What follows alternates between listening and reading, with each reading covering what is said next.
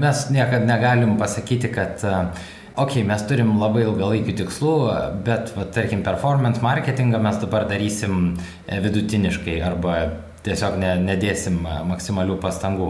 Ne, aš manau, kad kiekvienas verslas turi siekti maksimalių rezultatų čia ir dabar, ką įmanoma padaryti su performance kampanijom.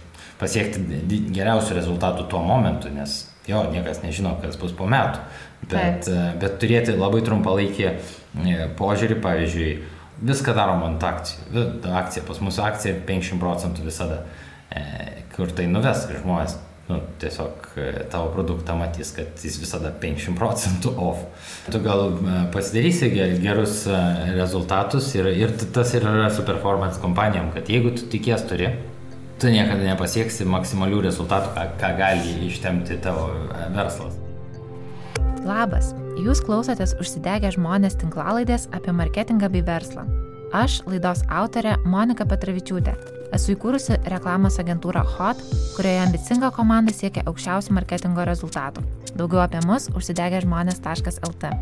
O šioje tinklalaidėje, kuri yra ką darai darai gerai projekto dalis, aš visada kalbuosi su tai žmonėmis, kurių akis dega tikslais ir svajonėmis.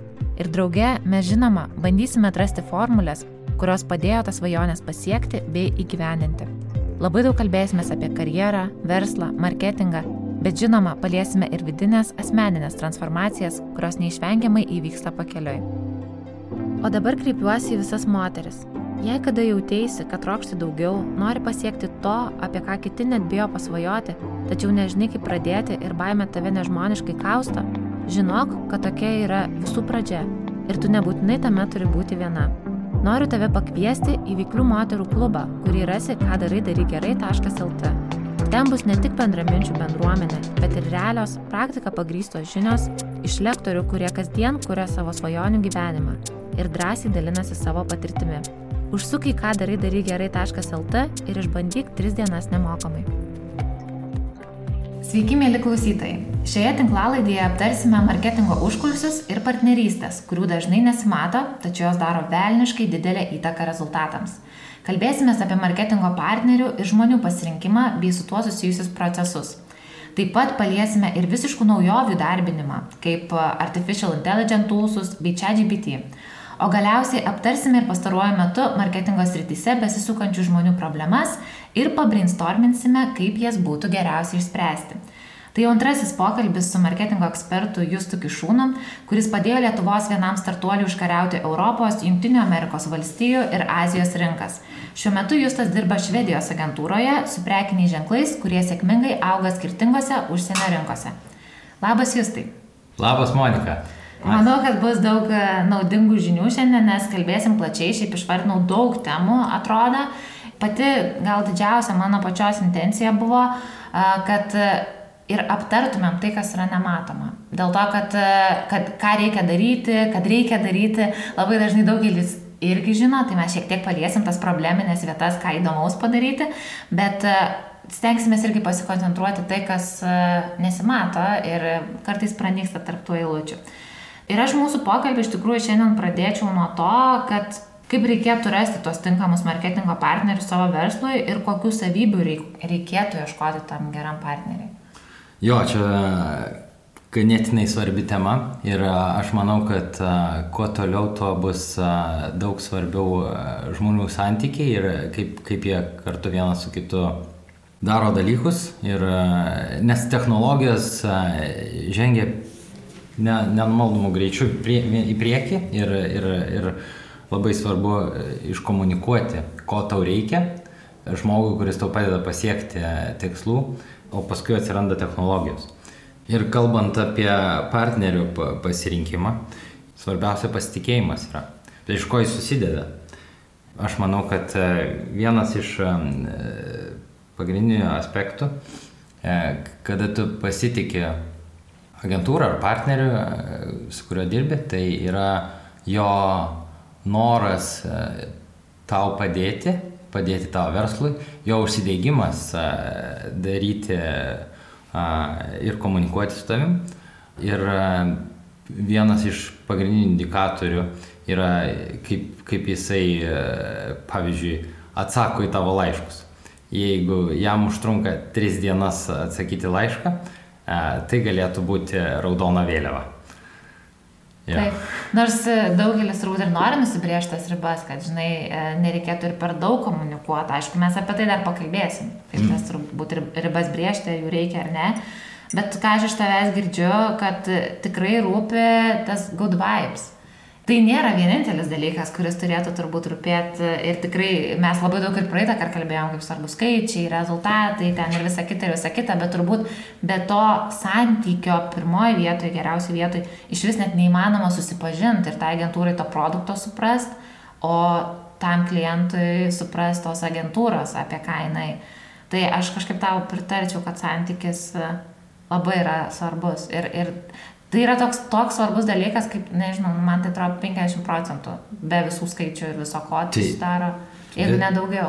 Visiškai sutinku. E, bet e, labai gerai palėtyti, aišku, antras dalykas yra irgi įtin svarbus tuo partnerio agentūros pasiekimai arba supratimas tavo verslo, tavo srities, ką galima naudoti, kaip naudoti ir ką, ką galima pasiekti.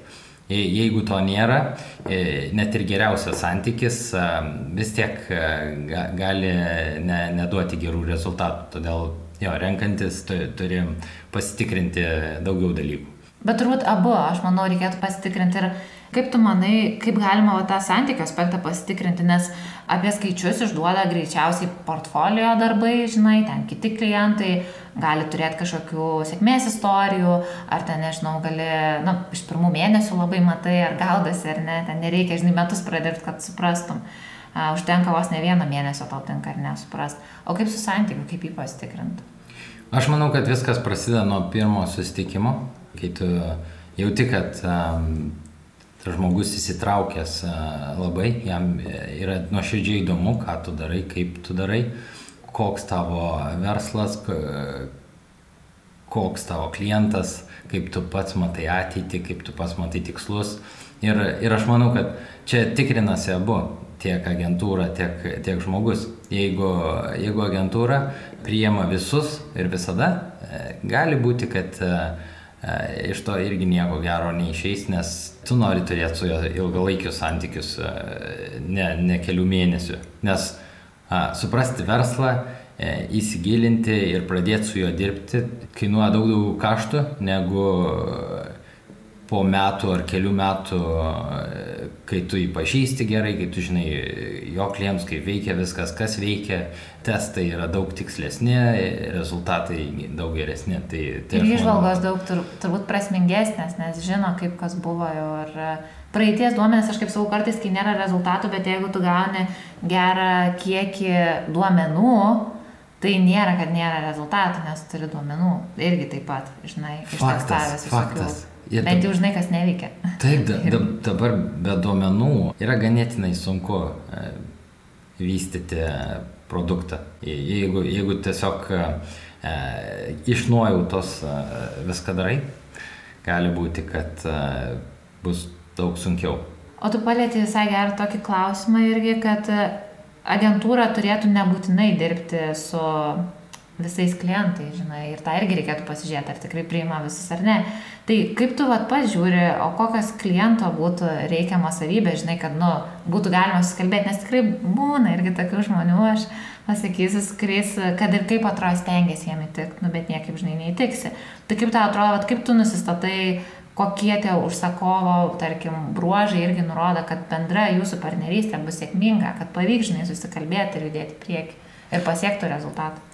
Jo, aš manau, kad geriausiai at, galbūt atspindėtų tai, kad kaip, kaip, kaip ir santykiuose, tu iš visų žmonių tikiesi geriausio ir, ir visai žmonėm pasitikė, nes iš tikrųjų visi žmonės yra geri, bet kai kurie galbūt yra kokiam nors etape, kur, pavyzdžiui, netiek daug įdomus verslas ir kaip jis veikia ir netiek daug įdomu gilintis į rezultatus, kaip jų pasiekėm, kas pavyko, kas nepavyko, kas veikia, o greičiau tiesiog svarsto apie kaip, kaip greičiau pasiekti pelną, bet nežiūri tolimesnės perspektyvos, kaip, kaip padaryti verslą, kuris iš tikrųjų auga ir auga maksimaliai ir, ir yra, turi ateitį. Greitas rezultatas gali atnešti blogesnį rezultatą ateityje. Arba tos, tas noras labai greito rezultato. Nes čia yra daug darbo, iš tikrųjų, irgi kas gal norėtųsi kuo pasidalinti ir tuo nematomų dalykų, kad norint tikrai daryti gerai marketingą iš visų pusių, net vieną sėkmingą kampaniją, žinai, nu yra reikalų. Daug labai, daug turi susiderinti ir vidus, ir išorė, ir vidinė komanda turi būti, kuriai aktualu, kaip tu sakai, ir išorinė agentūra, ten tarkim, turi būti ar partneriai kažkokie kiti e, freelanceriai ar kažkas, kurie irgi patikrintų, žinai, ir, ir jiem būtų aktualu ir svarbu. Daug reikalų yra pasiektas gerus rezultatus. Taip, pažiūrėt, ir, ir reikia skirtam, žinai, laiko būna ir ten e, paleidžiant kampanijas ir tų bemėgių naktų ir ten e, overworkinimo, nu, ir darbo savaitgaliais, kartais tai būna. Faktas, bet uh, mes niekada negalim pasakyti, kad uh, ok, mes turim labai ilgalaikių tikslų, bet, va, tarkim, performance marketingą mes dabar darysim e, vidutiniškai arba tiesiog ne, nedėsim maksimalių pastangų. Ne, aš manau, kad kiekvienas verslas turi siekti maksimalių rezultatų čia ir dabar, ką įmanoma padaryti su performance kampanijom ir salesais pasiekti geriausių rezultatų tuo momentu, nes jo, niekas nežino, kas bus po metų. Bet, Taip. E, bet turėti labai trumpalaikį e, požiūrį, pavyzdžiui, okei, okay, viską darom ant akcijų. Akcija, pas mūsų akcija 50 procentų visada. E, kur tai nuves žmonės, nu, tiesiog tavo produktą matys, kad jis visada 50 procentų off. Taip. Tai, Suveiks tai, kelias kartus ir tada jau viskas. Tai, tai būtent, tu gal e, pasidarysi gerus e, rezultatus ir, ir tas ir yra su performance kompanijom, kad jeigu tu tikės turi, tu niekada nepasieksi maksimalių rezultatų, ką, ką gali ištemti tavo e, verslas. Aš tai visai ką sakau, kad su jom, jeigu pastarai geras, kad ir tas išpardaviminės kampanijas ir panašiai, tai nėra taip, kad, o, kaip mums pasisekė, dabar kiekvieną mėnesį darom tą patį ir kraunam, žinai, krepšelį, pildom pelną. E, iš tikrųjų, pasidarei gerai, tai dabar planuoju kažką labai įdomaus.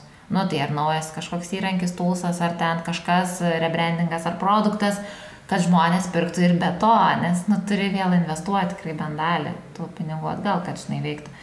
Mano istorija yra tokia su, su performance marketingu.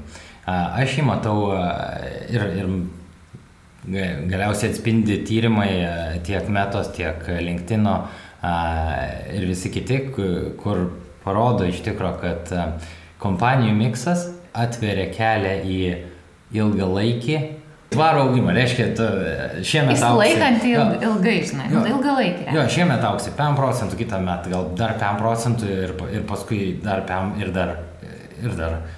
Bet je, jeigu tu bandysi per, per šiemet išspausti viską, Gali būti, kad tu sudarysi įspūdį, kad tu tiesiog bandai išspausti viską, bet um, aš kodėl noriu palyginti su datingu, todėl kad um, įsivaizduok, jeigu tu performance kompanijos yra maždaug tokios kaip uh, tu bare prieini prie kiekvieno žmogaus ir klausi, ar tu norėtum būti mano antra pusė. E, ir yra dalis žmonių, kurie praktiškai gali būti pasiruošę tam arba jiem gali pasirodyti įdomi idėja ir čia ir yra performances. Ta prasme, tu gausi labai greitai gerų rezultatų. Bet e, iš šimto žmonių gal tik tais du ar trys sutiks su tavim e, būtent antrą pusę. Bet e, je, jeigu mes e, norim turėti e, didelę rinką susikurti savo produktui, turi imtis kitos taktikos. Ir, ir ta, tas dalykas, kad su tais keliais žmonėm, kuriais tu sakysi, okei, okay, mes dabar vyras ir žmona, ar mes partneriai, gali būti, kad tokie santykiai labai ilgai nesitęs. Nes jo, tu nebūsi užsitarnavęs Nebūsi elementariai susipažinęs. Teisingai, ne, ne, nebūsi pasitikėjimo, pasitikėjimo nes, ne, nebūsi užsitarnavęs.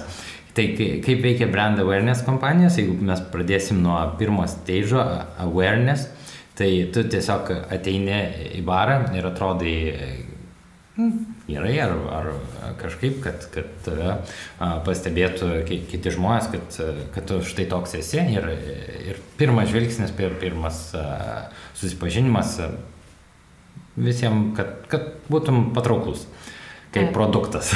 Taip. ir antras žingsnis kai, kai yra consideration fazė, kur, kur, kur žmogus jau svarsto, kas, kas tu toks, jau tu, tu pasakai savo vardą, tu papasakai, ką tu mėgsti, kitos žmogus paklaus, ką jis mėgsta, jau vyksta tarp jūsų komunikacija ir, ir, ir jūs vienas kito pasitikėjimą auginat. Ir conversion fazė yra trečia fazė, kur, kur jau galima pradėti kalbėti apie kažkokius ilgalaikius susitarimus ar santykius, kas kiekvienam verslui labai svarbu galiausiai Taip. užklausinti, parduoti. Taip. Bet yra įdomu, kad yra ir ketvirta fazė, kur yra tikriausiai pati sunkiausia, bet ir, ir, ir jinai padaro tavo produktą vertingą. Ketvirta fazė yra santykių išlaikymas, lojalumas vienas kitam. Pavyzdžiui, jeigu po, po, po conversion fazės, kur, kur žmogus kažką nusiperka pirmą kartą, e, turim marketingas dirbti, marketingas ir tavo produktas turi dirbti ties tuo, kad išlaikyti tuos santykius. Kad, kad lifetime value arba kaip išverst gyvenimo vertė. Ta... Nu, ta, tas žmogus, kaip sakant, atsipirktų, aš leidžiama pinigų suma ilgoje perspektyvai būtų didesnė negu kad per tos seilus kelis ar ten vieną, kai jisai išleido, nežinau, 25 eurus, o per tą lifetime value, jeigu dirbi toj tvarioj daly, gali turėti, nu, kartais dešimtimis kartų didesnė turbūt tą vertę, žinai, negu su greitais tais pirkimais. Taip, taip, būtent. Ir, ir aš um, pastebiu, kad uh, daugelis verslų, e, kurie sako, okei, okay, mes, mes norim dabar pardavimų, mes norim jų greičiau, bet kokią kainą, e, kad jie įvyktų. Bet deda mažai pastangų po tų pardavimų. Koks, taip, koks, taip. koks toliau kelias, kaip, kaip išlaikyti tą vartotoją, pasiūlyti naujo. Taip, taip, apie tai aš irgi taip kalbu, nes Nu, aš esu labai už ir tas kampanijas, kad tą konversiją padaryti, nu, nes labai faina pasiekti tikslus ir reikia išmanyti ir kaip užklausinti dylą, žinai, mm. ir, ir stengtis jau užklausinti daug tų dylų. Bet, at labai pritariu tau, kad jeigu jau padarėjai tą gerą performance kampaniją, nu, tai tada būk mielas, investuok kažką įdomaus, kad tikrai ir lojaliem vartotojam turėtum ką pasiūlyti jam savo ištikimiausiam ir tiem naujiem, kad būtų įdomu ir nepranyktum tik kaip dar vienas, žinai, salesų brandas kažkoks, kuris ten išpardavimus daro. Čia labai svarbus dalykas. Mes niekada ne, nesumažinam performance marketingo vertės. Taip. A, tik tais a, prie to pridedant yra labai svarbu suprasti didesnį vaizdą. Ir, ir iš to gaunas ir agentūrai, ir klientui bendradarbiavimas, kuris trunka ne metus ir ne du, o gal dešimt. Taip, visiška tiesa. Ir mes, kai kadangi kalbėjome apie tą, žinai, klausimą, kas garantuoja, žinai, tą sėkmę ir, ir iš kliento pusės, tai kaip tu manai, aš iš tavęs ir anksčiau išgirdau dar e, mintį, kad e, turėtų būti tas įsitraukimas ir iš pačio užsakovo pusės, na, kad būtų kas viduje supranta ir kad priimant sprendimus kartu naviguoja, žinai, su agentūra. Aš, ar aš teisingai suprantu? Visiškai teisingai. Aš manau, kad e, jei žmonės e, kalba apie skaičius ir apie veiksmus ir e, vienas vienaip mato, kitas kitaip mato, tai gali būti sudėtingas bendradarbiavimas ir vėliau tų rezultatų gali būti sunkiau pasiekti. Aš manau, agentūra čia yra reikalas edukacija arba paaiškinimas. Nes e, aš pastebiu, kad e, kartais e, pasakojasi, okei, okay, CTR'as, impressionai, parodymai arba įsitraukimas, rodikliai svarbus, bet... Bet jie dažnai nieko nesako. Jie nieko klientas. nesako. Jie nieko nesako ir aš manau, kad tiek klientas turi nebijot klausti drąsiai. Kas, kas tai, kodėl man, kodėl man tai svarbu, ką, ką tu man pasakai.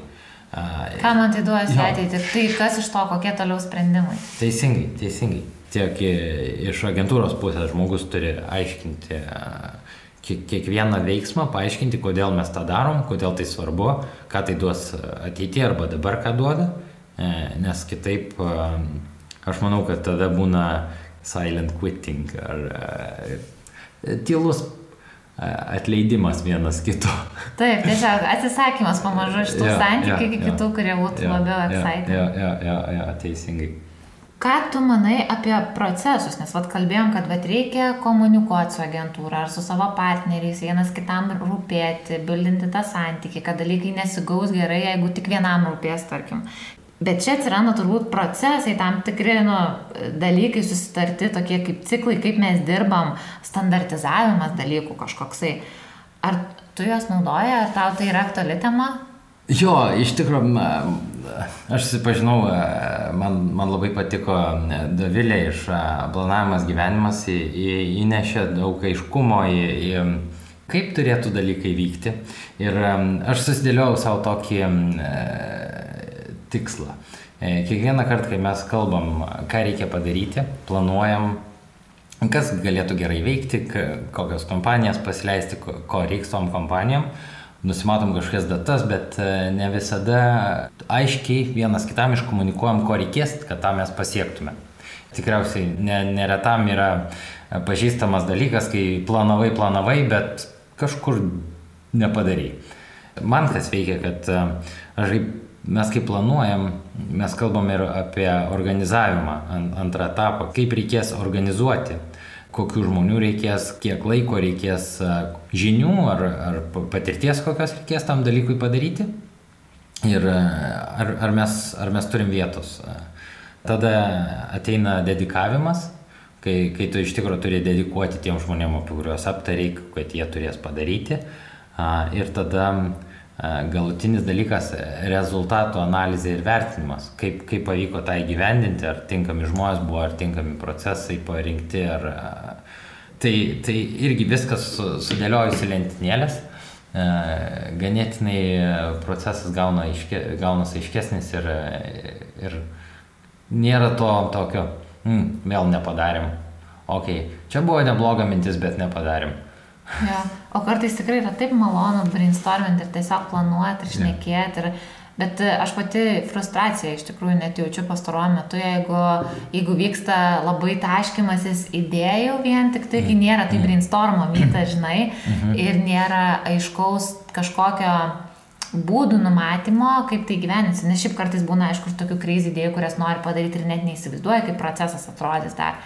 Vat iš to, ką pasakojai, ar tai reiškia, kad tada procesas yra, norint palaikyti gerą santykį su to savo klientų marketingė, turėti, nežinau, tris skambučius kiekvieną mėnesį, nu, kaip sakai, planavimui, kažkam palaikymui, darbų ten delegavimui ir panašiai, ir tada rezultato aptarimui, ar nebūtinai? Aišku, aš žinau kiekvienos agentūros, kaip sunku yra su, su laiku, jeigu turi ypač daugiau klientų arba ne, ne visai didesnių, tai jeigu turi mažesnių, tai aišku sunku kiekvienam skirti daug laiko. Bet mano minimumas yra vienas kartas per savaitę. E, mytas, kur, kur mes aptariam rezultatus, ko pavyko pasiekti, kur mes einam toliau ir pasiliekam laiko jo tam brainstorminimui, bet uh, brainstorminimas e, vien tik tais e, jis e, be organizavimo, be iš tikro tam mytė ir sudėliojimo, maždaug kaip kas turėtų vykti, kaip, kaip įsivaizduojam kiekvienas iš mūsų, kiek resursų reikės, kokių žmonių reikės, ką reikės padaryti tiksliau, kad įgyvendint tą idėją, ilgalaikiai perspektyvoje gaunės tik daug, daug, daug idėjų. Daug teskų atrodo, kur daug, neaišku, nei kas jos darys. Nei kodėl darys, nei kaip darys. Pokalbio metu e, aptarti e, ir organizacinius dalykus, kaip, kaip tai bus viskas įgyvendinama.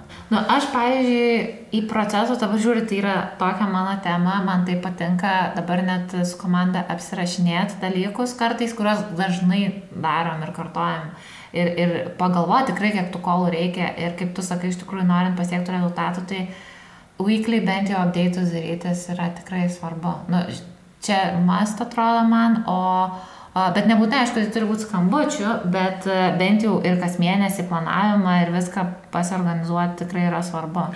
Būtinai tas svarbu, bet, e, pavyzdžiui, mes turime social eventus, Sustikimai ir ne, ne tik tai diena gali būti workshopas, bet vakare mes e, visada einam kartu su klientais out, kad e, nu, geriau susipažintume neoficialioje aplinkoje. Ir ta, tada kartais e, tas pasitikėjimas auga, o su pasitikėjimo augimu tu labiau mėgsti tuos žmonės, tu nori daugiau dėl jų padaryti, bendraudami vienas su kitais neoficialioje aplinkoje gali atidaryti, nu, suprasti kartais, ko trūksta ir paskui pasiūlyti idėjų, ir kurios gali atnešti labai nemažai rezultatų. rezultatų.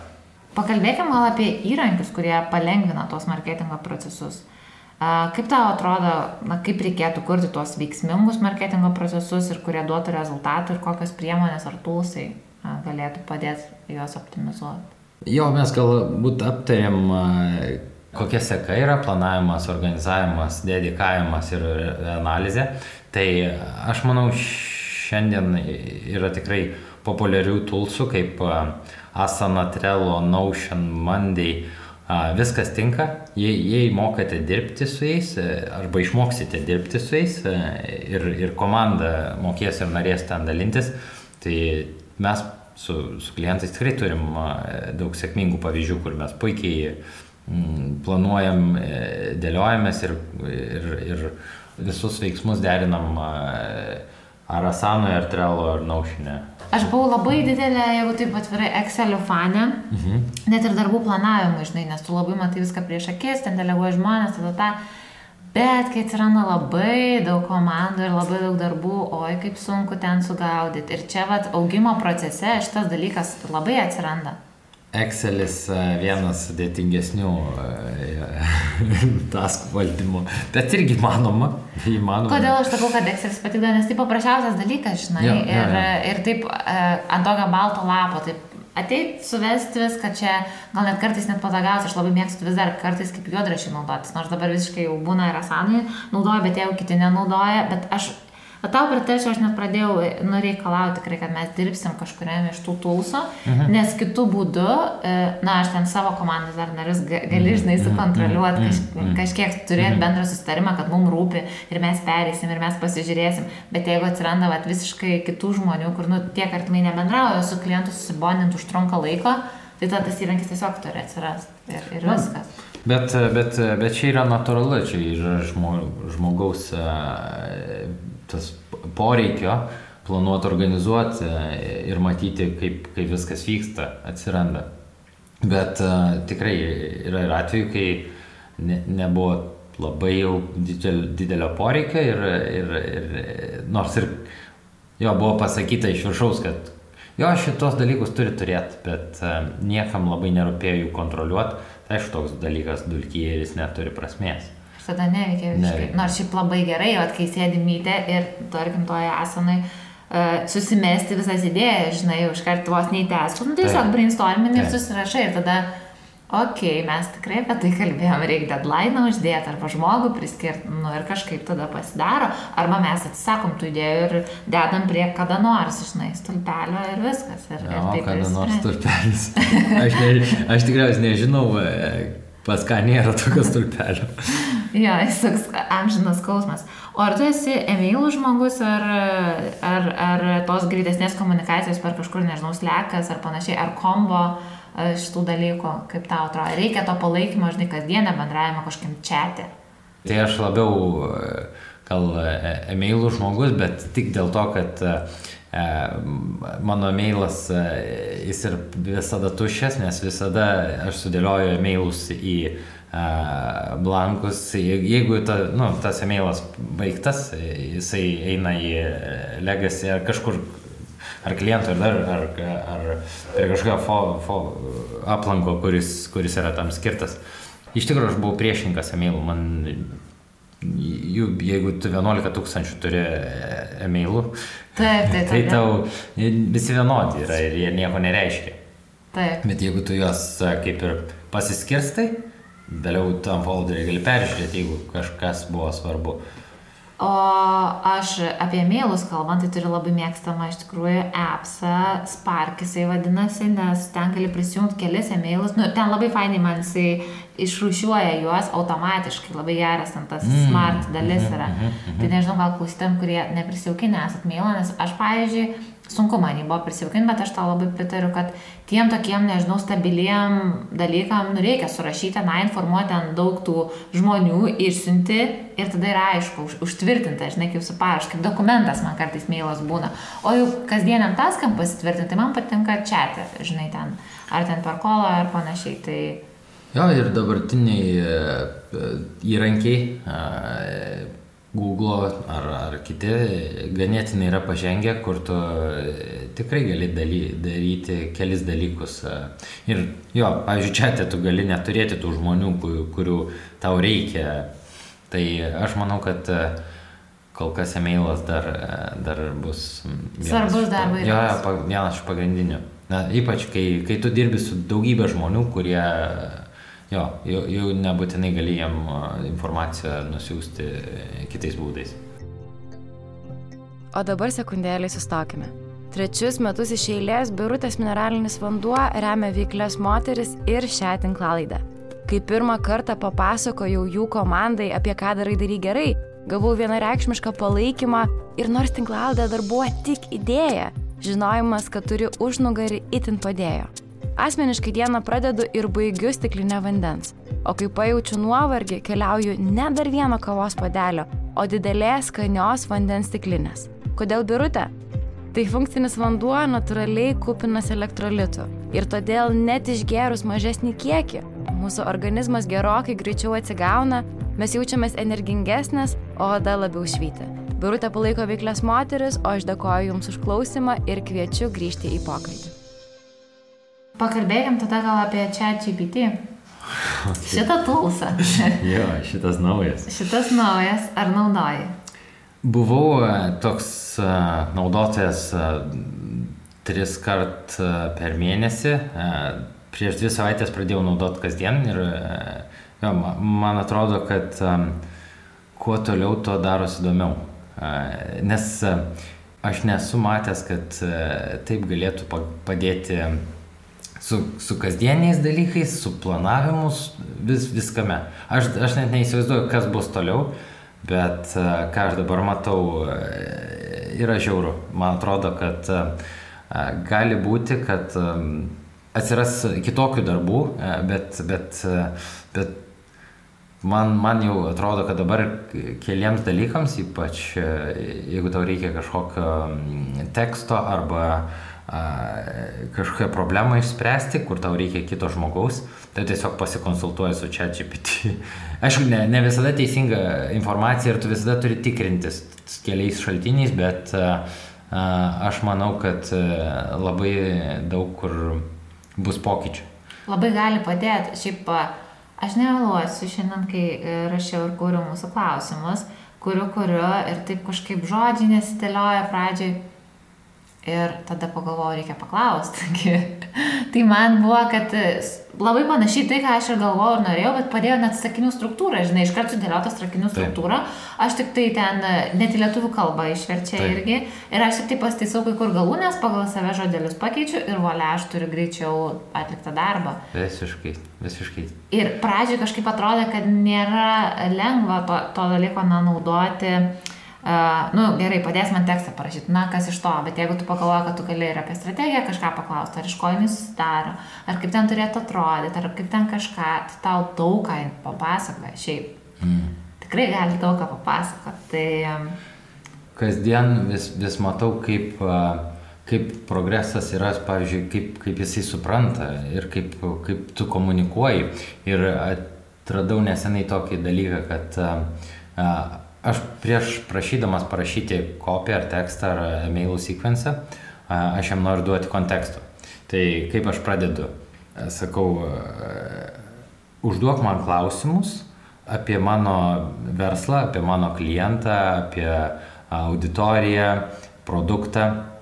Užduok man 10-15 klausimų, į kuriuos aš atsakęs galėčiau, tu galėtum suprasti, keistai čia čia pati kreiptis tu, bet tu, tu galėtum suprasti ir gerai parašyti tu, tuos tekstus.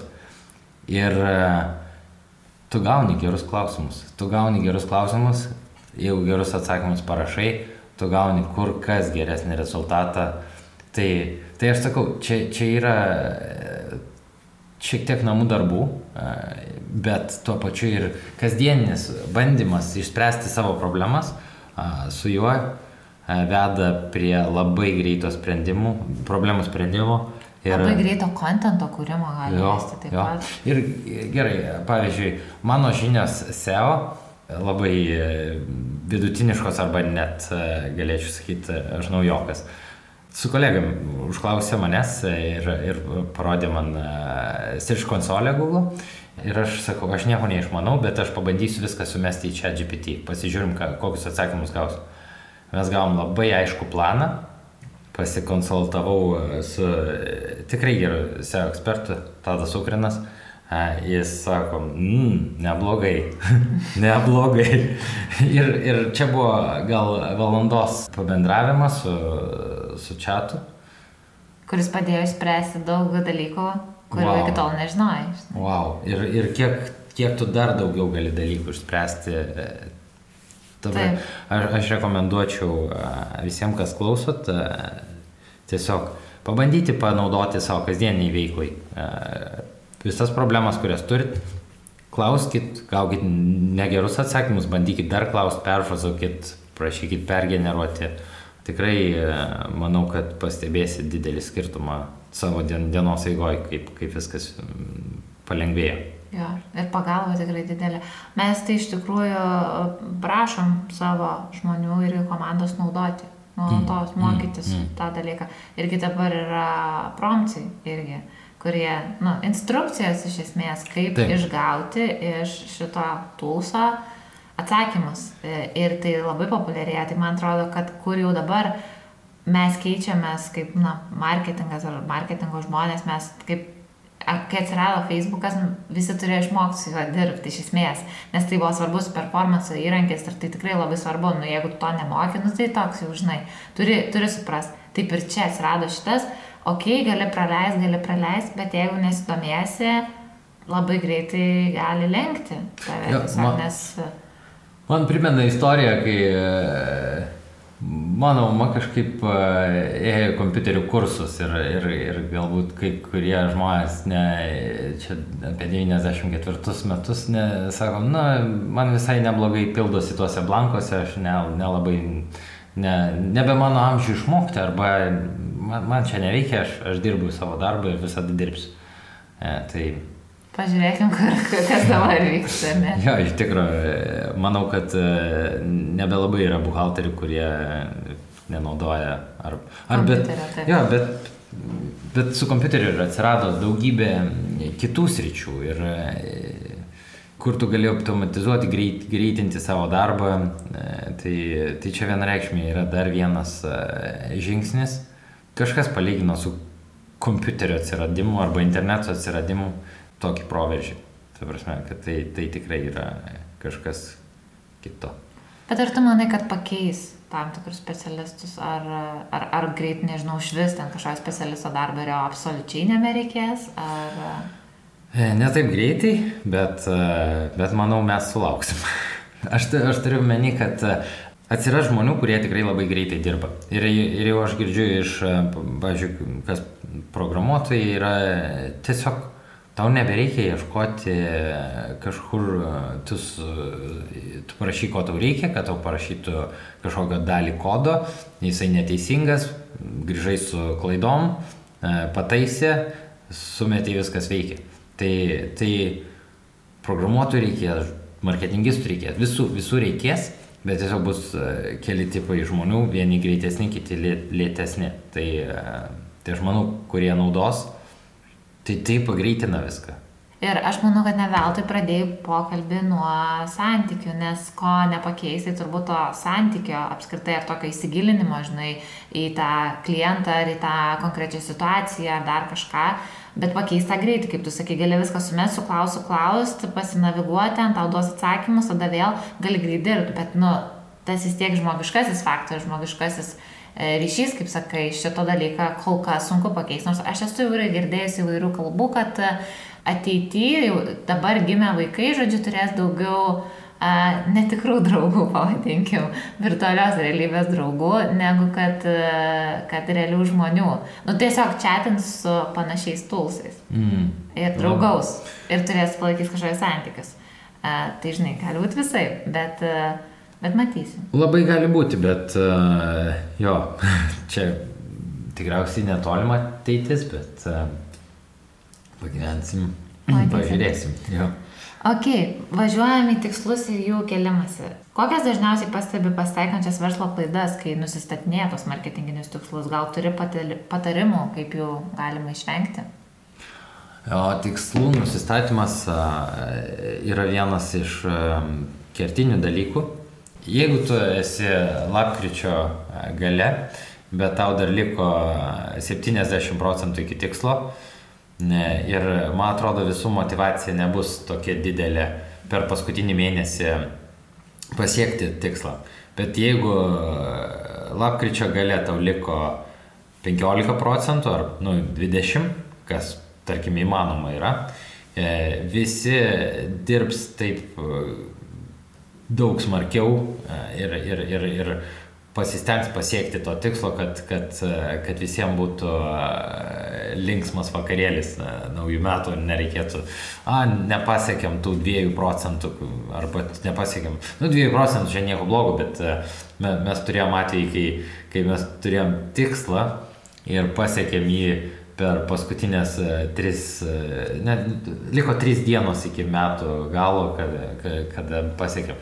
Bet ką visi mes darėm, mes labai stengiamės, kad, kad tikrai būtų jis pasiektas.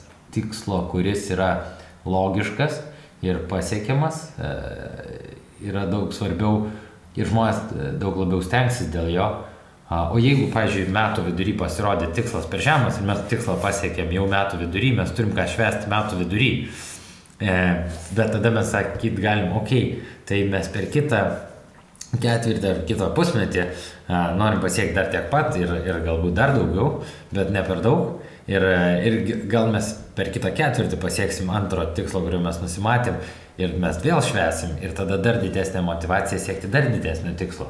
Todėl labai svarbu yra tos tikslus turėti ne per didelius, Ne, nesakau, kad e, nereikia siekti, bet, bet jie neturi per didelį būti, kad, e, kad nedingtų motivacija. Aš irgi pritariu, kad tai yra labai svarbu, bet man atrodo, kartais būna sunku tiesiog jos logiškus išsikelt, nu, žinai, e, kaip nuprojektuoti ateitį. Labai daug kintamųjų yra. Tai logiškus kartais būna sunku, bet aš, pavyzdžiui, pati asmeniškai, kadangi ten būna dažnai praeina pirmas metų ketvirtis ar kažką, kai šiek tiek pasitikrini viską. Mm ir pasikoreguoti nematau problemos. Kaip tu žiūri tai, tikslų pakoregavimą? Tai, tai kaip ir sakiau, pasiekiai per kelis ketvirčius metinį tikslą. Valio, turi ką švęsti. O jeigu kaip tik matai, kad nu, tas tavo tikslas, žinai, jau nu, nerealistinis, labai nepasiekiamas toksai. Pasimašinti. Ok, kaip, kaip ir dabar, tarkim, vyksta šiokia tokia e, įtampa rinkoje, tarkim, palūkanų norma ganėtinai aukšta, jeigu Švedijai e, matomas yra apie 25-30 procentų kritimas mažmeniniam sektoriui, gamyba ten irgi įdomiai. Jeigu nu, buvai numatęs 23 metam dvigubą augimą, e, aš manau, kad visiškai yra gerai pasižiūrėti rinkos situaciją. Okay, taip, taip neatsitiks. Ir tiesiog susimažinti tikslą, kad jį, jeigu kažkas pasikeis, jį pasieksi e, trečiam ketvirtį, ir galėsi pasididinti vėl tikslą. Lūkesčiai ir rezultatai turėtų būti koja koja, nes tada nuotaika ir, ir, ir visų žmonių, kurie dirba su tavim, motivacija išlieka ganėtinai aukšta. Ir kaip manai, kiek ta nuotaika ir ta motivacija sudaro, žinai, tam tikslų pasiekime? Man asmeniškai atrodo, kad labai daug. Ha, visiškai nemotivuotas žmogus, e, jisai turėdamas geriausias žinias labai gali net nešti jokių rezultatų. Blogas kelias, turbūt, ar ne, mm. toksai nelabai. Tai, tai va čia ir atsiranda tas toks ir sekantis gal klausimas, okei, okay, tikslai ten kažkokius įsikėlėm ir tarkim, nu ta emocija nėra pati geriausia, jeigu atsiranda lūkesčiai, nes lūkesčiai visą laiką kuria kažkokius įdomius dalykus. Kaip, kaip tau yra su lūkesčių suvaldymu apskritai, nežinau, vat, kliento ir, ir to marketingisto, kaip juos susilainat? Sunkus klausimas iš tikrųjų, nes aš kartais pats mėgstu būti pozityvus dalykam, kurie atsitiks ateityje, bet taip neatsitinka. Galbūt truputėlį reikia realybės pojūti pasigauti, kokie rezultatai yra, kodėl kažkas eina blogai, eiti į, de, į detalės. kur galime pagerinti, kur pagerėjome šiek tiek, kur galime padaryti dar geriau, kad uh, ir rasti tas problemas, kodėl, kodėl gal tai rinkos uh, pokyčiai, gal konkurencija, gal, gal mūsų klaidos uh, kažkokios, kaip mes galim tų klaidų išvengti. Ir, ir apie tai kalbėti, susimažinti tikslus, o ne tiesiog sakyti, okei, okay, mes turim pasiekti, mes nepasiekėm, viskas blogai. Tai, viskas tai, blogai niekur neveda. Jo, viskas blogai, tai viskas. Tai viskas, skirstamės tada. Ačiū. Visi. Pabuvom. viskas blogai. Viso gero tada. Čia va tas klausimas gal ir apie ribą, žinai, kur kalbėjom, kad ta dažna komunikacija būna reikalinga ir jos kaip ir reikia, abiem turi rūpėti, bet per dideli lūkesčiai irgi jos būna, kad reikia suvaldyti, jeigu, žinai, norim padaryti per šios metus įspausti viską, o ne tokie metai, kad viską, žinai, įspaustum. Aš, pavyzdžiui, šitoje vietoje labai norėčiau paminėti tą tokį growth mindsetą. Nežinau, kaip tą išversti lietuvių kalbą, bet yra apie tai labai gera knyga.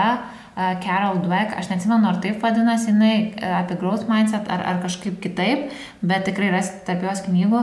Tai jinai kalba, kad nereikia bijoti klysti, nu, suklysti, pavyzdžiui, skelbti tikslą.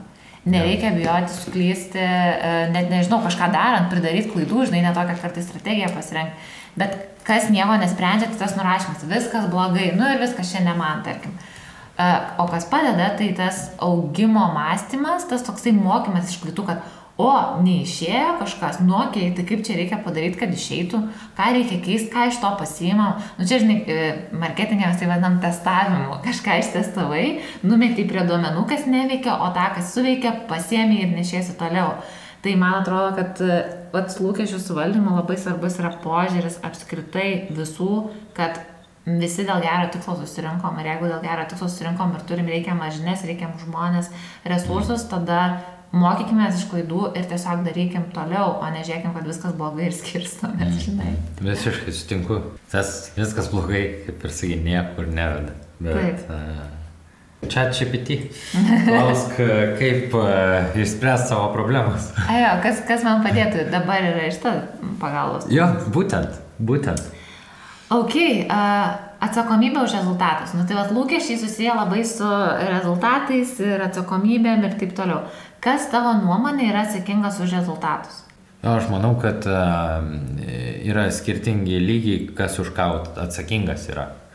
Įdomi yra lentelė, Karolina Vern, atsiprašau, Elena Verna yra pasidalinus įmonės struktūrą ir aiškiom atsakomybėm. Ir man patiko, kad vadovas, direktorius visada atsakingas yra už pelną, tai yra už pinigus, kurie, nes jo pagrindinė atsakomybė, ta prasme, KPIs ar O toliau eina kiekvienas žmogus, pavyzdžiui, marketingo skyrius, vienas žmogus atsakingas už naujų klientų atvedimą, kitas žmogus atsakingas už išlaikymą jų, pardavėjas atsakingas už tai, kad jisai lydus paverčia klientais ir, ir taip toliau. Ir kiekvienas turi savo kokybinius ir kiekybinius rodiklius, kurios, už kuriuos jis atsakingas. Aišku, dažniausiai persidengia, jei, jei, jei vienas galas e, neveža, kitas galas irgi nevažiuoja. Ar tu manai, kad tai yra svarbu apstarti derinantis sąlygas visas? Jo. Ir ribas? Jo, visiškai, visiškai. Tai gali būti ir pradžioj, gali būti ir eigoj, nes atsiranda naujų e, dalykų, kur, kurie buvo neaiškus, bet uh, Aš manau, atviras bendradarbiavimas visa, ir pasitikėjimas visada lemia to, kad, kad mes laikysimės taisyklių, net kurios ir nebūtinai yra rašytos. Okay. Ir atvirkščiai, gali pasirašyti sutartį, bet uh, susitikti teisme. Taip. Kas niekam neapsimoka. o kaip manai, ar vienas žmogus, tarkim, gali būti su daug atsakomybė labai? Kas nutinka tada, paaiškiai tavo gal patirties, jeigu vienas labai prisima daug atsakomybę? O čia, okay? čia yra vienas iš uh, dalykų, kur, kuris veda į perdėgymą ir, ir klaidas. Ir uh, galiausiai gali būti labai blogi rezultatai. Todėl aš sakyčiau, kad jo, ribotai darai, jeigu, jeigu tavo pozicija yra labai aukšta, tai, tai tu deleguoji, E, jeigu tu gauni užduoti, ją irgi gali deleguoti kažkam kitam, bet gali ir pats padaryti. Tai mes turim visi 24 valandas ir turim sveikai ilsėtis ir turim sveikai turėti laisvalaikį. Aišku, būna etapų agentūrom prieš kalėdas ir poilsio nematyti. Kur tai nueina ja, į tolimesnį planą? Jo, ir jo. Ir turbūt tada ir tas lūkestis tikėtis iš nežinau, iš e, ten vieno žmogaus ar, ar iš kažko ten, žinai, stebuklo, visas atsakomybės sudėti. Nežinau, aš tai visai esu labai už komandinį dalyką ir kad taip turi būti aiškios atsakomybės, bet bendrai paėmus bendras e, full picture, žinai, rezultatą visi atneša ir visi prie jo prisideda. Bet labai svarbu apie tai kalbėti. Na, bet turi būti visada sveikas balansas. Ta prasme, aišku, negali e, būti daug atsakomybė, bet, bet gali žmogus turėti kelias ir persidengtos rytis gali, nes e, kažkas eina atostogų, kažkas išeina iš darbo ir... E, jo, įvyksta gyvenimas. Taip. Pakalbėjom, kad būtų svarbu aptarti, kaip kūryba ir įvaizdis daro įtaką rezultatams, ar apskritai, nu kaip išbalansuoti, žinai, iš to tų kūrybinių iniciatyvų, brandingo ir panašiai, ir performance marketingo rezultatų. Tai kaip tau atrodo? Čia, žinai, eina kalba ir apie visas brand awareness kampanijas. Reikia jų, nereikia. Jo, mes galbūt e, palėtėm prieš tai tą temą, e, kai kalbėjom apie ką daro vienos performance kompanijos. E, Taip. Jos padeda labai stipriai verslui, bet tai nėra verslo vienintelė tik su performance. Tu niekada ne, ne, nebūsi didelis rinkoje ir, ir ne, ne, nepasieksi visko, ką gali. Je, jeigu mes darysim brand awareness kompanijas ir gal, po kelių metų klientas matys, kad, nu, niekur mes neinam, kai kas vyksta. Tai, tai jo, mes, nu, mes ir kaip agentūra niekur nenueisim. Mums patiems neapsimoka daryti to, kas neveikia e, ilgalaikiu. Šiaip Man jokio skirtumo, ar man leisti e, performance e, kampanijas ar brand awareness, tiek pat dar, dar ilgiau užtrunka ir dar sudėtingiau yra daryti brand awareness, gerai daryti, apskaičiuoti rezultatus ir panašiai, negu daryti performance. Tai e, tik tiek, kad darydamas tik performance visada atsimuši lubas, kažkur kažkas striksi, kažkur nebeveiks kažkas. Ir ką mes matom, pavyzdžiui, su lydų kompanijom, kur greičiausiai pasimato rezultatai Mes truputį pašildom, parodom, kas čia vyksta, kaip čia kas. Ir, ir turim tą e, žemesnę stadiją, consideration, kur, kur žmogus paliks savo mailą. Matom, miksas, visada geresni rezultatai galutiniai ir pigesni.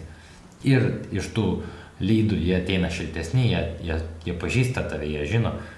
Bet e, vėlgi, jeigu nedarysi to gerai ir protingai, ne, nesilaikys taisyklių, gali būti, kad tas rezultatas bus mažesnis ir, arba jo iš vis nebus.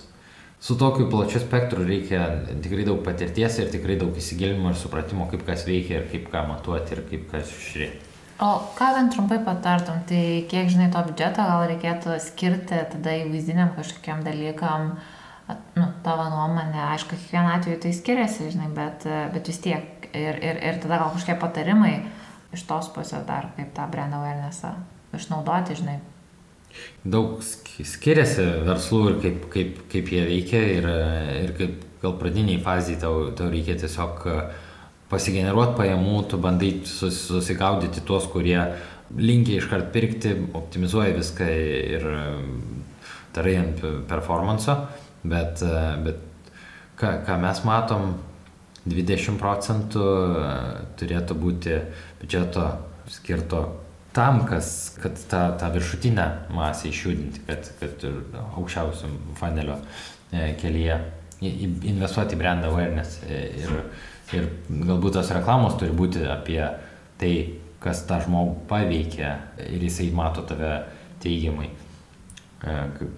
Įvaizdinės gražios reklamos arba kaip tik įdomios, arba pakeičiančios pasaulė žiūrą, bet, bet jos neskatina pirkti, jos niekada neskatina čia ir dabar nusipirkti šitą produktą, bet jos kuria tokį, a, mm, čia neblogai, įdomu, kas čia bus. Ir aš nesakau, tikrai, ne, tai nebūtinai, kad turi būti labai turinys nušlifuotas. Jisai gali būti netoks ne nušlifuotas, bet jis turi būti patrauklus. Ir nebūtinai idealų žmonės yra gražus. Taip ir nebūtinai idealios reklamos yra gražios. Ir kartai žmogus įdomus, įdomiai atrodantis, jisai yra gražesnis, gražus negu kažkoks supermodelis nušlifuotas idealiu. Įdomesnis, jį no. geriau net atrodo respondina tie vartotojai. Būtent, būtent. Kartais jo, tu turi tą turėti omeny darant tiek visas reklamas. Ir įvaizdinės kampanijos, bent jau mano nuomonė, tai nebūtinai turi būti, žinai, ten visus metus ruoštas, nušlifuotas profesionalus video ar kažkas tokio, tai gali būti, nežinau, kažkokia ar edukacinė problematika, ar kažkoks dalykas, ką pastebit, aktualu yra jūsų, ten, nežinau, klientam mm. ir jį kažkokiu įdomu būdu pateikti, ar tai dinamiškai, ar tai per kontentą, ar, ar paaiškinant, ar, ar per ekspertą, ar per dar kažką, tai nu atrasti, aišku, čia tą kampą reikia, bet uh, Jo, sutiksi, kad e, dabar ganėtinai veikia gerai e, tos reklamos, kurios prasideda, e, čia apie socialinius tinklus kalbant, tinklus, kurios prasideda visiškai keistų video. Kaž, mhm. Kažkas meta tualetinio popieriaus rytinėlį į tualetą. Ir tai prasideda reklama. Bet, bet vėliau pasakoja apie appsą, kuris ten padeda su E, mindfulness ar gyvenimo problemų daros, nesvarbu kas, bet tos pirmos trys sekundės, jos turi būti keistos, jos turi būti e, unikalios, kad jos patrauktų e, žmogaus dėmesį ir išlaikytų kurį laiką, kol, kol jisai, nes žmogus įpratęs, okei, okay, šitas neįdomu, šitas neįdomu, šitas neįdomu, o čia kažkas vyksta, čia, čia įdomu. Ir jeigu, ir jeigu tu ateisi Bet čia, čia labiau kalba eina apie tuos, pavyzdžiui, tik toką, kur žmogus tiesiog skrolina ir jeigu tu jo nepagavai, viso gero, tavo reklama neveikia, jos niekas nepamato, tu gali ją tobulą sukurti, bet jeigu ją visi praskrolina. Kas iš to rezultato tai yra? Kas iš to teisingai? Kalbant apie B2B, kokios tau atrodo tos įdomesnės strategijos vertos dėmesio? Dabar tikrai vat, pats paminėjai kontaktų rinkimo reklamą, žinai, uh, lead generation, kas tikrai yra visai, nu, vis daugiau, manau, pradeda šitą dalyką naudoti. Uh, kokie būtų tavo, nežinau, patarimai? Uh... Su B2B yra daugybė strategijų įvairiausių, kaip, kaip ką daryti, bet aš galbūt tiesiog pasidalinsiu keliom, kurios, man atrodo, kur tikrai bent jau kiek mes bendraujam, nedaug, nedaug kas naudoja, bet jos iš tikrųjų veikia. Tai pavyzdžiui, Meta arba Facebookas, Instagramas, retai kada pagalvosi B2B, kaip galėtų pasitarnauti toks tinklas, kur nelabai ir targetin gali ir nelabai gali išskirti. Aišku, yra įrankių, kur, kur sudaro tavo auditorijas, gali susi, susimportuoti, yra vienas dalykas, bet e, daugybė įmonių tikriausiai e, renka klientus parodos. Mhm. Arba jų tiksliniai klientai renkasi parodos. Ką daro Facebookas, Instagramas, jie labai gali tiksliai targetint parodos lokaciją, vien, vienu kilometro spinduliu. Nuo gegužės 5 iki 10 tuo metu vyks paroda tavo klientų koncentracija ten yra didžiulė, metoj Instagrame parodymo kaina yra apie 10 kartų mažesnė negu linktinė, vidutiniškai taip pasižiūrėsi. Ir tau tą žmogų labai nebrangu pasiekti, ką tu gali daryti, leisti video viewsus, nes žmo, kartai žmonės parodos sunkiai palieka kontaktus kad tu susirinkti auditoriją, tu gali pasileisti video views kompaniją ir vėliau juos retarginti su leads kompanija, kas yra daug mažesnė lyco kaina.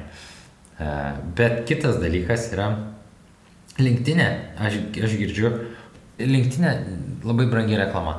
Taip, iš tikrųjų labai brangi, bet e, jeigu tu gali labai tiksliai atsirinkti žmonės, ką tu nori targetinti, labai, labai tikslią auditoriją susidaryti, būtent, pažiūrėjau, pirkimų vadovai arba pirkimų skyriaus žmonės, specialistai tam tikrose įmonėse, su sales navigatoriu iš, išsifiltruoti lab, labai e, tikslę auditoriją, pavyzdžiui, 5000 žmonių ir spėk, e, tada tavo e, reklamos kaina palyginus su tai, ką tu iš jos gauni, yra nebe tokia didelė.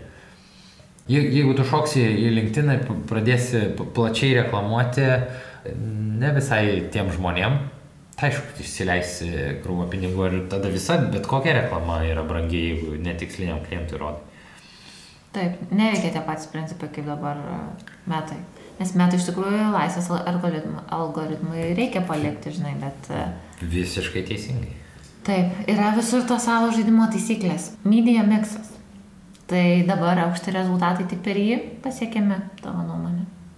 Ir taip, ir ne, nes uh, jeigu tu esi labai specifinis biznis ir kur, kur iš tikrųjų tau neveikia paieška, tiesiog tavo produkto žmonės neieško. Ok, tau lieka meta ir ar, ar, ar LinkedInas, ar Pinterestas, TikTokas, bet, bet jeigu tu turi produktą, kur žmonės perka tik tada, kai ieško e, ir tik tada, kai reikia, tai, pažiūrėjau, kitokia reklama, galbūt jį reikalinga, retargetingas ir taip, bet e, tau performance kompanijos neveiks, jeigu tave perka tik tada, kai tavęs tikrai labai reikia. Tada, tada brand awareness galbūt kažkiek daryti, bet jeigu tu nesi labai didelis, vėlgi sudėtinga, jeigu tavo įsiskaidžius auditorija visiems padaryti brand awareness brangu. Yra specifikų, kur, pavyzdžiui, yra vienas kanalas labai sėkmingas, o visi kiti gali palaikyti, bet e, nebūtinai e, eksponentiškai padės tau aukti. Bet didžiai daliai tai media mixas. E, ir, ir pavyzdžiui, verslui retargetinti žmonės metui, B2B sektoriui, tikrai labai puikus ir veikiantis kanalas. Ir, ir tu gali su savo graštų rinkiniais pasiekti tuos žmonės, kad jie galėtų grįžti į tavo parduotuvę ar, ar tavo verslą ir pergalvoti sprendimą. Arba, jo. o kokie kanalai manai yra neišnaudoti dabar? Aš manau, kad uh, yra sudėtinga situacija Lietuvoje su TikTok ir Pinterestu, kadangi turi, jo, ir nėra taip lengva juos pasileisti. Instagramas, Facebookas, jie kaip ir nėra saulėlydis, yra labai daug sėkmingų, bet, bet sakyčiau, kad jie jau, jau ganėtinai yra brandus ir, ir e, tau nesunku rasti specialistą, ar ne, net nėra labai daug verslų, kurie e, kažko nebūtų bandę ten, išskyrus B2B. Arba, bet Pinterestas, TikTokas, tai vėl mes praeitais metais kalbėjome apie TikToką, kad uh, ateina naujas kanalas, bet, bet vėl Lietuvoje nėra Taip, ir, ir, ir tu ne, negali jo panaudoti. Tai, Tai... Bet tik to, ką gali bandyti organiškai išnaudoti. Nu, bet čia labai daug turinio kūrimo prasme, tada reikia dirbti ir, ir tas dažnai būna valstybėjo problema. Šiaip, nors turinys dabar, ko nedaugiausiai įtakos turi rezultatų sėkmiai ir jie, nu, vat, kaip kalbėjom, kad tu sakai, pradžio, kad būtų įdomu, kad kabintų ir panašiai. Kita vertus, jį tokį sukurt nu, mažai dar kas kartais net ir gali, nes reikia pagalvoti, žinai, scenariją, galvoti, kas užkabins, daug testuoti, kitoniškai daryti, jis nebūtinai yra gražus. Tai, ne, nu, nes daugelis brandų tai nori, kad labai būtų viskas palei brand guidelines, tikslu ir panašiai, bet tai nebūtinai veiks. Ir turi bandyti, bandyti, bandyti skirtingus variantus. Nu, va, čia gepas, bent jau mano nuomonė, kad yra visai šioks toks. Su organiniu labai turiniu aš myliu ir mėgstu jį tiesiog, jis, jis be steroidų yra kaip, nu, labai, labai sunku pasiekti su juo aukštų rezultatų. Taip. Ir, ir jis ne, neprognozuojamas pasieki, bet kokius žmonės, dar neaišku, kaip tu, kaip tu, ten mažai kontrolės. Gal tu tapsi viral, bet, bet neturėsi kontrolės, e, kada tu viral, kada ne. Taip. Tai... O čia mokami kanalai ir padeda. Jo. Ar turi dar kažkokių išvalgų, galbūt kažkokių problematikų, kurias esi pastebėjęs dabar, nežinau, su savo klientais ir kuo norėtum pasidalinti? Kartais e, atrodo, neveikia reklama ar kažkas neveikia, galbūt netai paleidom, galbūt e, kažką netai padarėm. Kartais būna, keistų e, techninių dalykų. Pavyzdžiui, e, Conversion API metui ar, arba iš vis dabar yra ganėtinai sudėtinga susekti 100 procentų gerus rezultatus be, be server-side trackingo. Tai kai kam gal yra sudėtingas dalykas viską teisingai pasidaryti, bet tiesiog e, turėkite omeny, kad kartais nesimato visi rezultatai arba progresas kažkur, nes kažkas tiesiog techniškai ne iki galo yra teisingai padaryta. Ką aš dažniausiai pastebiu, 9 iš 10 akantų, kuriuos aš mačiau, turėjo problemų su e, produktų match date, su kokius produkto ID siunčia Facebook'ui e, ir, ir kokius produktus e, su, su, sumečina, nu, su, sutampa produktas su, su tuo ID. Ir, e, pavyzdžiui, jeigu turi retargetingą leidį pagal nu, bandai parodyti dinaminę reklamą, kur rodo tuos produktus, kuriuos tu peržiūrėjai, kurie tau yra relevant. Facebookas, pavyzdžiui, neturi 50 procentų datos, arba 70 procentų, arba 100 procentų kartais ir tai būna. Tos smulkios detalės, aš vis dar rekomenduočiau pasidaryti auditą, ar jei pats leidai reklamas pereiti vis, viską, e, kas gali būti e, susijęs su eventais, trackingu, ar, ar ten viskas yra 100 procentų teisingai padaryta. Nes, nes jeigu 7 procentų teisingai padaryta, tai tu 30 procentų rezultatų prarandi. Taip, visiškai tiesa. Ačiū tau, Justai. Gal galėtum pasakyti, kur tave galima dar rasti? Žmonėm, jeigu būtų kažkokių klausimų. Jo, galit mane rasti linktinė, e, Justas Kišūnas, galit mane, Kišūnas LT yra mano puslapis, e, arba keywordio.com, e, jeigu norit pasikalbėti su mano kolegom. Ir manim, aišku. Tai ačiū tau, Estinai, kad dalyvavai ir manau, kad dar iki kitų kartų. Ačiū tau, ačiū tau, kad pasikvietei, labai malonu, iki.